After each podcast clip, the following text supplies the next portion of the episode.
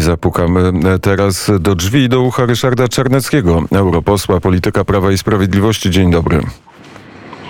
Y, Witam pana, witam państwa bardzo serdecznie upory z Brukseli.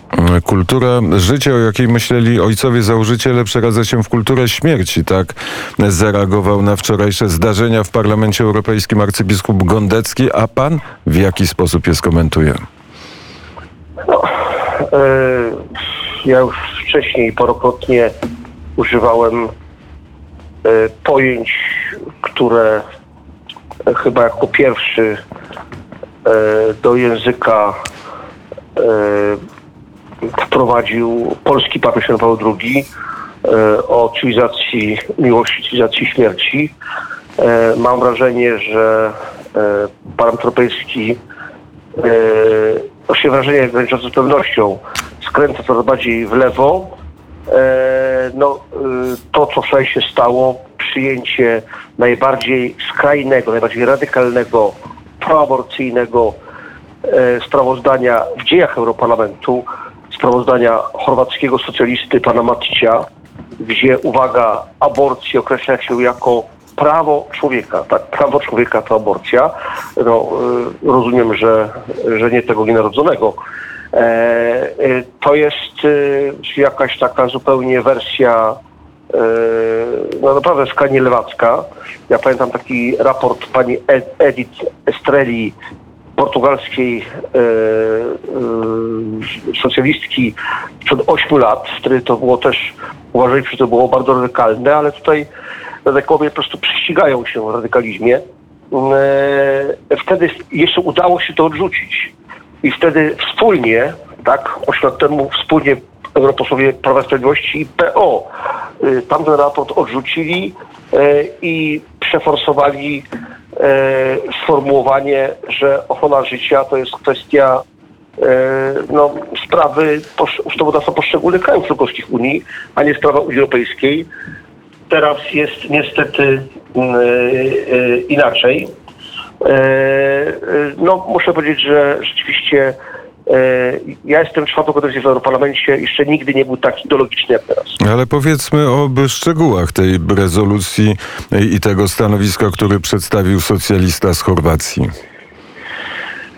Socjalista z Chorwacji, ale mając oczywiście wsparcie, mm, wsparcie swojej grupy, czyli socjalistów i demokratów. E, mm, Ten e, raport mówi o zdrowiu i reprodukcji seksualnej.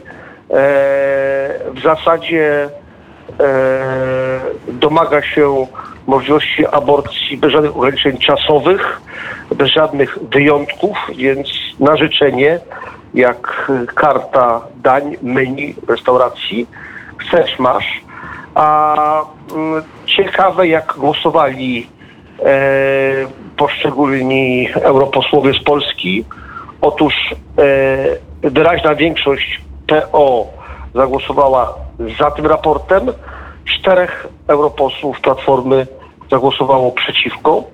E, mm, na przykład pan premier Jerzy Buzek, e, e, na przykład pan e, europoseł Duda z Dolnego Śląska, e, pan europoseł Olbrycht czy pan europoseł Lewandowski, były komisarz. Natomiast e, zdecydowana większość Platformy głosowała za tym raportem e, z panią komisarz Hibner, panią Adamowicz, panem Arłukowiczem, panią von Udo Hohenstein e, na czele. Mm, no, była próba, aby ten raport odrzucić. E, To był wniosek mojej frakcji Europejskich Konserwatystów i Reformatorów. Zebraliśmy dużo, bo 280 głosów. Nasza frakcja liczy 60, 60 parę. E, mm, a więc, więc no, e, tak blisko 5 razy więcej niż frakcja. Ale zabrakło 30 głosów. E, gł- Głosowania decydujące przegraliśmy już bardzo, bardzo wyraźnie i to pokazuje, jak zmienił się Europarlament e, w ciągu tych dwóch kadencji, bo mówiłem o tym raporcie portugalskiej lewaczki Estreli. Wtedy paroma głosami udało się go odrzucić. E, Teraz e, przegraliśmy wyraźnie. Patrzę na portal w polityce, który wczoraj obchodził e, 11 urodziny. Wszystkiego najlepszego kolegom e, z portalu w polityce. Teraz składam e, 100 lat. 100 lat, przez te 100 lat dużo, dużo pewno się zmieni i by, zacytuję, Rutte e, chce Unii Europejskiej bez Węgier. E, To też jest e, a propos tego, co się dzieje w Parlamencie e, Europejskim. Węgrzy e, zmieniają ustawę, są pod obstrzałem polityków europejskich. E, tak, no, e, takim dyżur, dyżurnymi chłopcami do bicia e, są Węgry, e, jest Polska, przecież Polskę się trudniej atakuje, e, ponieważ e, jak parę lat temu to było tak, że premier Orban dosyć sprytnie starał się być w cieniu Polski i w tym głównym zwarciu był nasz kraj. No teraz jest tak, że, że e, tutaj nie my jesteśmy frontmanem, e, ale oczywiście i tak i tak wyraźnie jest konflikt, po prostu takie starcie między państwami, które e,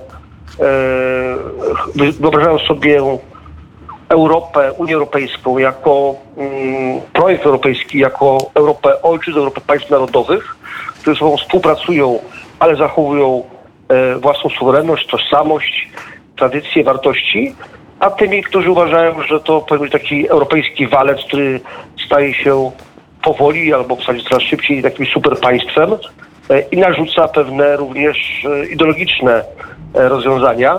To jest oczywiście wbrew traktatom europejskim, które na przykład e, kwestie ochrony życia, ale także kwestie zdrowia, e, medycyny, e, kwestie sprawiedliwości, wymiaru sprawiedliwości stawiają poszczególnym krajom członkowskim. Co z tego, kiedy się te traktaty obchodzić i łamie e, i ten walec, e, i ten walec e, jedzie. No, ja jestem przekonany, że Unia Europejska jest dzisiaj zupełnie inna niż ta, do której Polska wchodziła lat temu 17. Panie e, pośle, tak, e, to jest prawda, że Europa e, się zmienia, ale w takim razie, czy to jest konsekwentne i spójne z tym, co pan mówi, czy, czyli, czyli taką krytyką i pokazaniem, że Europa się przechyla i coraz bardziej przyjmuje, czy już przyjęła ideologię, ideologię gender jako ideologię własną, ten krok ku federalizacji Europy, który uczyniliśmy wtedy, kiedy zgodziliśmy się na Fundusz Odbudowy. Z całą pewnością e, Parlament Europejski jest e, e, na pierwszej linii frontu ideologizacji. E, Komisja Europejska poganiana przez e, Europarlament także wczorajszym apelem pana Dawida Maria Sassoli, szefa e, Europarlamentu, kiedyś pańskiego kolegi dziennikarza, e, który wzywa Komisję Europejską, żeby e, zajęła się praworządnością w krajach członkowskich Unii. E, e, Komisja Europejska e, stara się tutaj e, e, czasem uchylać od e, bycia patentem specjalnym Europarlamentu. E, Możemy liczyć na Radę Europejską, a więc tam e, to ciało, w którym są przedstawiciele e, państw e, e, członkowskich, państw narodowych, szefowie rządów, głowy państwa, bo jednak Rada atakowana przez Europarlament, a także w sporze czasem z Komisją Europejską stara się bronić zasady no, suwerenności poszczególnych krajów, to zresztą wynika z interesów państw, które tam są reprezentowane. Mm, Natomiast co do Funduszu Odbudowy, co do Recovery Fund, to sprawa była prosta. Jak się wydaje, to, to, to legło u podstaw decyzji polskiego rządu. Albo e, mm, nie bierzemy tych pieniędzy i jesteśmy dalej w ostrym konflikcie i dalej nas biją, albo bierzemy te pieniądze, zakładając, że będą w nas dalej tak.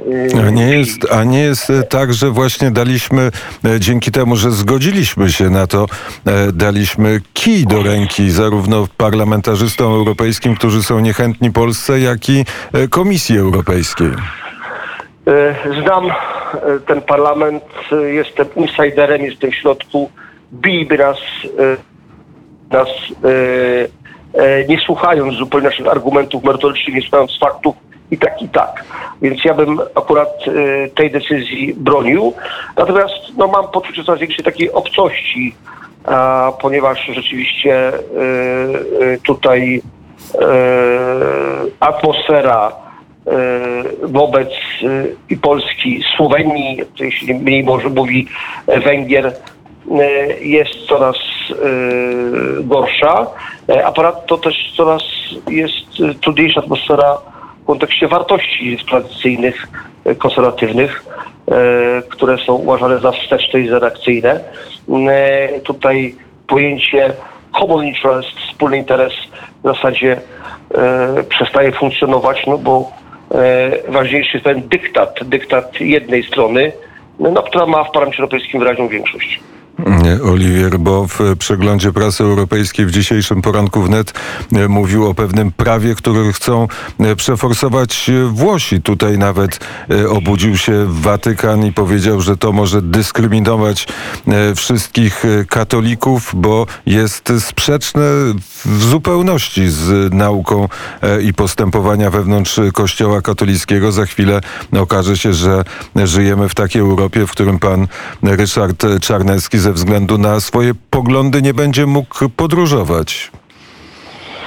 A, e, no cóż, ja akurat głosowałem, jeżeli pan mówi o tak zwanym paszporcie środkowym, ja nie, nie popierałem tego. Nie, nie myślę o paszporcie, tylko myślę o tym, y, o, y, o myślach, które pan wyraża y, publicznie. Zresztą nie tylko pan, bo e, światopogląd konserwatywny jest, jak wiadomo, sprzeczny z ideologią, która e, jest obowiązująca i zaczyna być obowiązująca w Unii Europejskiej, więc człowiek, który ma w głowie takie myśli, nie powinien zarażać. To jest być może gorsze od COVID-u, bo przecież szerzy e, pan, mówiąc o tym, że ta rezolucja jest e, cywilizacją śmierci, e, szerzy pan poglądy, które wykluczają. Nie powinien pan podróżować, powinien pan siedzieć w domu.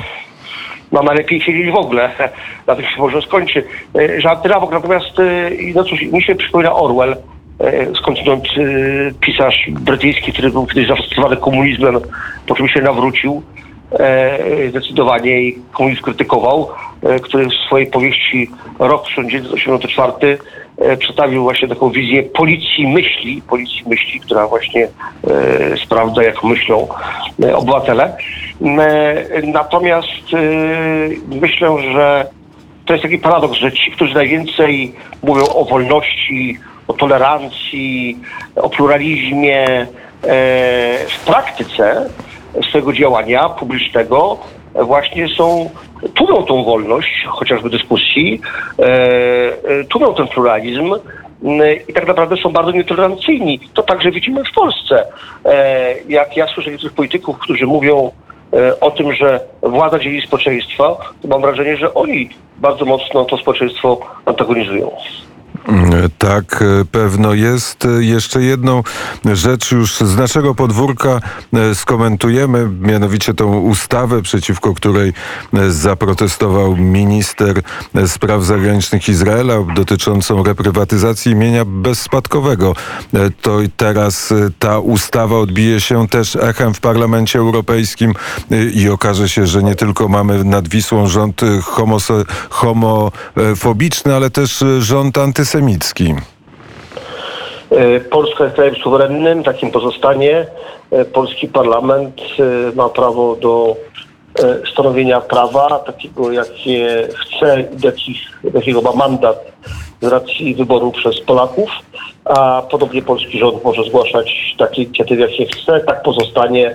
Nie ma mowy o spełnianiu żadnych roszczeń zewnętrznych, to my możemy mieć i powinniśmy mieć roszczenia, na przykład wobec Niemców, e, z tytułu tego, co stało się e, w czasie II wojny światowej, rozpoczętej przez Niemców atakiem na Polskę. Kto wygra euro? A, no, mocni są na pewno Francuzi, e, mocni są również, a więc wicemistrzami Europy aktualni, mocni są również e, Anglicy, którzy spotkają się e, teraz walce ćwierćfinał z Niemcami. A, prawdę mówiąc, tak bardzo się już tym nie interesuje, e, od kiedy Polska no, odpadła. Liczę na naszych siatkarzy w Tokio. E, oni będą czuwać nad siatką, liczę na medal obezwładny. To będzie wiele zawału, oby nie, ale to może się skończyć zawałami serca, bo rzeczywiście siatkówka jest emocjonująca i człowiek się bardzo denerwuje i to do tego co chwilę. E, Bardzo serdecznie dziękuję za rozmowę. E, Dziękuję za zaproszenie do prestiżowego Radia Wnet. Dziękuję, kłaniam się miłego dnia. Ryszard Czarnecki, europoseł, polityk PiS, e, prosto z Brukseli.